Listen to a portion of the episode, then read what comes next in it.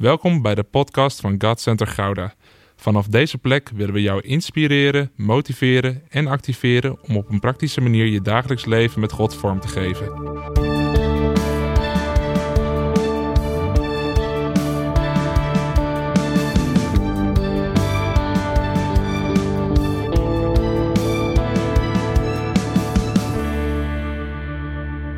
Hey, wat tof dat jij weer luistert. Deze podcast is er om jou toe te rusten omdat we jou belangrijk vinden. Jij doet het toe, je bent van waarde en jij maakt een verschil en daarom willen we jou toerusten. Niet met droge kennis, maar met openbaringen en inzichten om je te helpen sterker te worden in je geloof, intiemer in je relatie met God en krachtiger in je identiteit. Vorige week hebben we uitgebreid gekeken naar hoe jij in elkaar zit, hoe je bent opgebouwd in geest, ziel en lichaam. We ontdekten met elkaar dat we naar Gods beeld zijn geschapen, dat we van binnen naar buiten mogen leren leven en dat we ons bewust mogen worden over hoe we zijn opgebouwd. Het is belangrijk om te begrijpen waar je emoties zitten, hoe je gedachten werken en welke input je je denken geeft. En daarom is dat inzicht in geest, ziel en lichaam onmisbaar. We hebben ook gekeken naar hoe onze geest, waar de Heilige Geest in is komen wonen, de bron van input mag worden in ons leven. Onze ziel wordt gevoed door onze geest of door ons lichaam. De vraag is, waar kiezen we voor? Onze geest, waar de Heilige Geest in is komen wonen, spreekt waarheid in ons. En ons lichaam vangt via de zintuigen van alles op, zowel waarheden als leugens. En kiezen we dan voor de leugens die om ons heen geschreeuwd worden, of kiezen we voor de waarheid die in ons gefluisterd wordt? En misschien denk je dan na vorige week prachtig, ik heb nu inzicht gekregen over hoe ik in elkaar zit, maar ik weet nog steeds niet hoe ik die leugens in mijn denken moet verslaan. En daar gaan we het vandaag over hebben. Versla de leugens in je denken.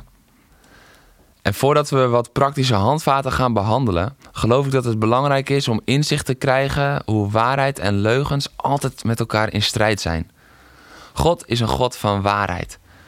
Jezus zegt niet eens: Ik spreek altijd de waarheid, maar hij identificeert zichzelf met de waarheid.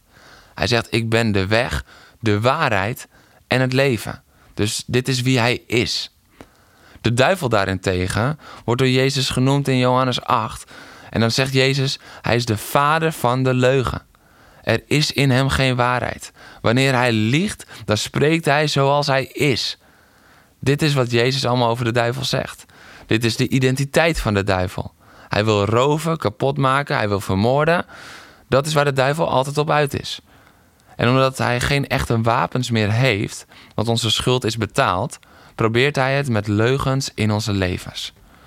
En we lezen in 2 Korinthe 10, vers 4 tot en met 6 over de bolwerken waartegen we te strijden hebben, die we moeten slechten. Over de verschansingen tegen de kennis van God. En over de gedachten die krijgsgevangenen moeten worden. Dit gedeelte gaat over giftige gedachten. Dit gedeelte gaat over leugens. En we hebben het nodig om te leren heersen over onze gedachten. En ik wil in deze podcast echt praktisch aan de gang gaan met je. Heersen over onze gedachten, hoe doen we dat? Want je bent toch niet altijd in de mogelijkheid om dingen niet binnen te laten komen in je denken. Misschien vraag je af, ja, maar sommige prikkels komen toch op me af? En inderdaad, soms komen gedachten gewoon in je op, komen prikkels gewoon op je af. Het zijn soms pijlen van de duivel, soms zijn het gewoon dingen die je hoort, ziet of voelt. Maar de stap daarna is de belangrijkste. De vraag is: wat doe je zelf met de gedachte waar je zelf niets aan kon doen dat je hem kreeg? Laat ik deze één keer herhalen. Wat doe je zelf met de gedachte waar je zelf niets aan kon doen dat je hem kreeg? Het gaat in ons leven er niet altijd om dat we geen negatieve prikkels mogen ontvangen, dat dat niet mag gebeuren, maar het gaat erom hoe we met die prikkels omgaan, hoe we ze verwerken en welke keuze we daarin maken. En daarom hebben we een aantal stappen die ik met je wil doorlopen om leugens te verslaan. En de eerste stap is leugens herkennen. De wereld leert ons om onszelf maar gewoon leeg te maken, maar dat is geen oplossing. Er wordt gezegd wanneer je leeg bent van binnen dat je je opgelucht voelt of verlicht voelt. Maar de realiteit is dat datgene dat grip op je heeft, dat je dat even parkeert en dat het na twee dagen weer terugkomt. Jezelf leegmaken is een tijdelijke oplossing die geen giftige gedachten of leugens herkent, maar alleen voor een momentje ontkent. En wij moeten de leugens leren herkennen. We hebben zoveel giftige gedachten op een dag. Ik kan het niet. Ik ben niet mooi. Hij is beter. Ik faal.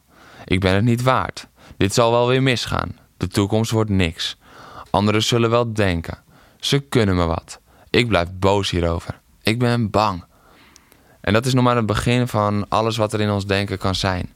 En soms denken we dat dat bij het leven hoort. Maar woorden van dood horen niet bij het leven. Jezus is het leven en in hem is er geen ruimte voor dood of dit soort gedachten. En daarmee wil ik niet over je situatie heen walsen.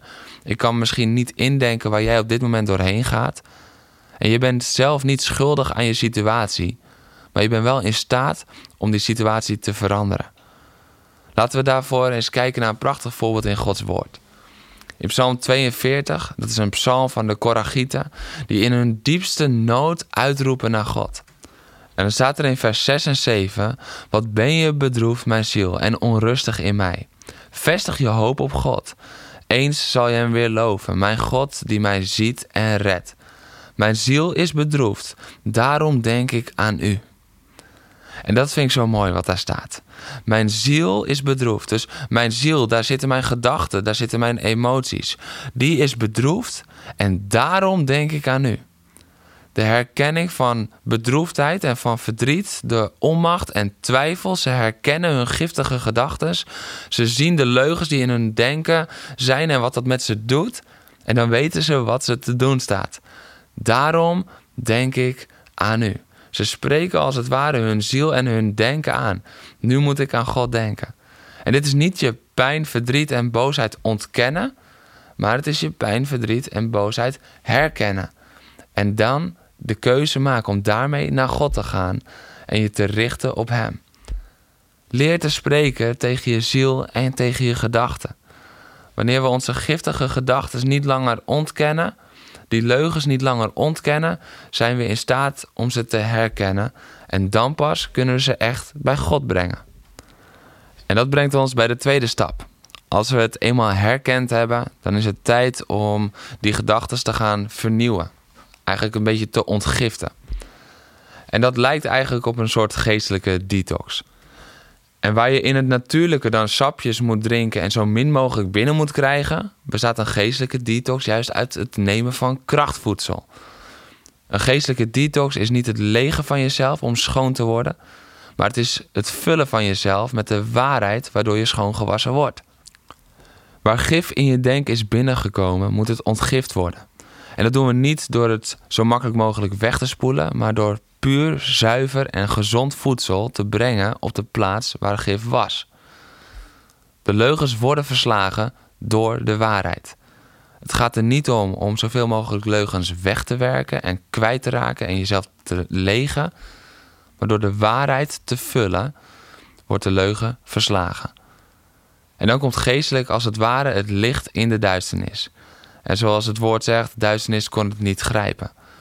Onze weg om onszelf te vullen met licht betekent dat die duisternis geen grip meer op ons krijgt, ook niet op onze gedachten.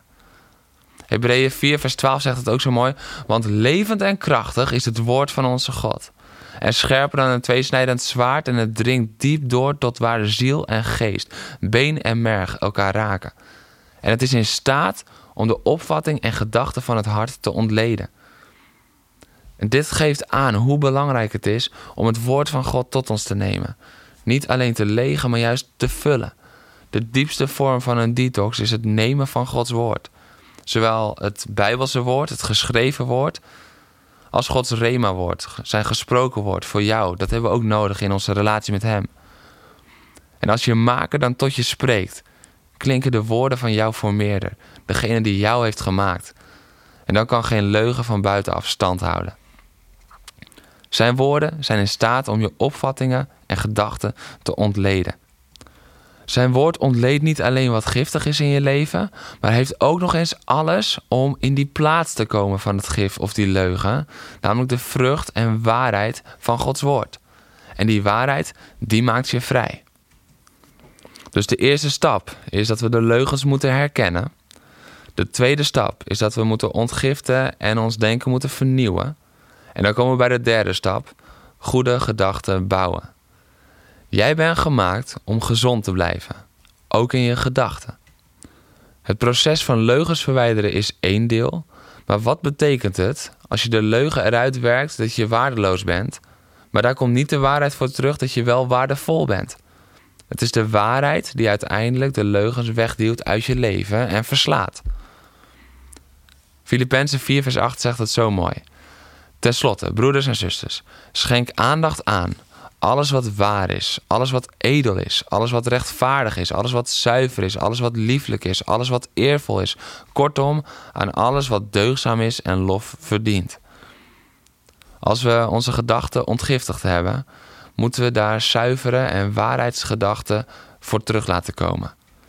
Wanneer we dezelfde woorden weer ingang geven, dan nemen we als het ware opnieuw gif tot ons. Maar daarom is het zo belangrijk wat Romeinen 12 vers 2 zegt, wordt hervormd door de vernieuwing van ons denken. Dus het is niet alleen zorgen dat die leugens weggaan, maar we moeten ze ook buiten de deur houden door gezonde, goede, nieuwe gedachten te bouwen. Als jij je leven lang hebt gehoord, je bent niet mooi, dan is het ontmaskeren van die leugen stap 1. Stap 2 is om daar de waarheid tegenover te zetten. En dan stap 3 wordt vaak vergeten. En dat is het blijven voeden met de waarheid en met leven. Zodat die detox, als het ware, geen momentopname is, maar een definitief afrekenen met de leugen. Zodat je gedachten gezond worden en gezond blijven. Wanneer je je blijft vullen met het verkeerde, kan het goede er nooit uit voortkomen. Maar zo is het ook andersom. Wanneer we ons blijven voeden met het gezonde, met de waarheid van God, dan krijgt dat ongezonde, die leugens, geen invloed meer in je gedachten. Want jij kan veranderen. Laat je omstandigheden niet jou overheersen, maar heers over je omstandigheden. Neem de waarheid van God tot je. Vul je met zijn woorden van leven. Vernieuwen is een werkwoord. Daar eindigden we de vorige keer ook mee, maar vandaag wil ik daar ook mee afsluiten. Want de leugens in je denken verslaan is een proces. Ja, God kan je in één keer vrijzetten van zaken in je leven. En tegelijkertijd schrijft de Bijbel dus ook over het proces waarin je mag groeien. Wees niet gefrustreerd als je vandaag de eerste stap zet en morgen ben je nog niet helemaal klaar. Het is een proces, het is een vernieuwing van je denken. Breng deze drie stappen in de praktijk. Stap 1. Leer de leugens herkennen. Stap 2. Ontgiftig en vernieuw. Stap 3 goede gedachten blijven bouwen. Sta stil bij deze verschillende stappen. Neem de tijd om ze te doorlopen en versla de leugens in je leven. Ik zie je heel graag volgende week weer. Dan gaan we het hebben met elkaar over Jij bent geroepen.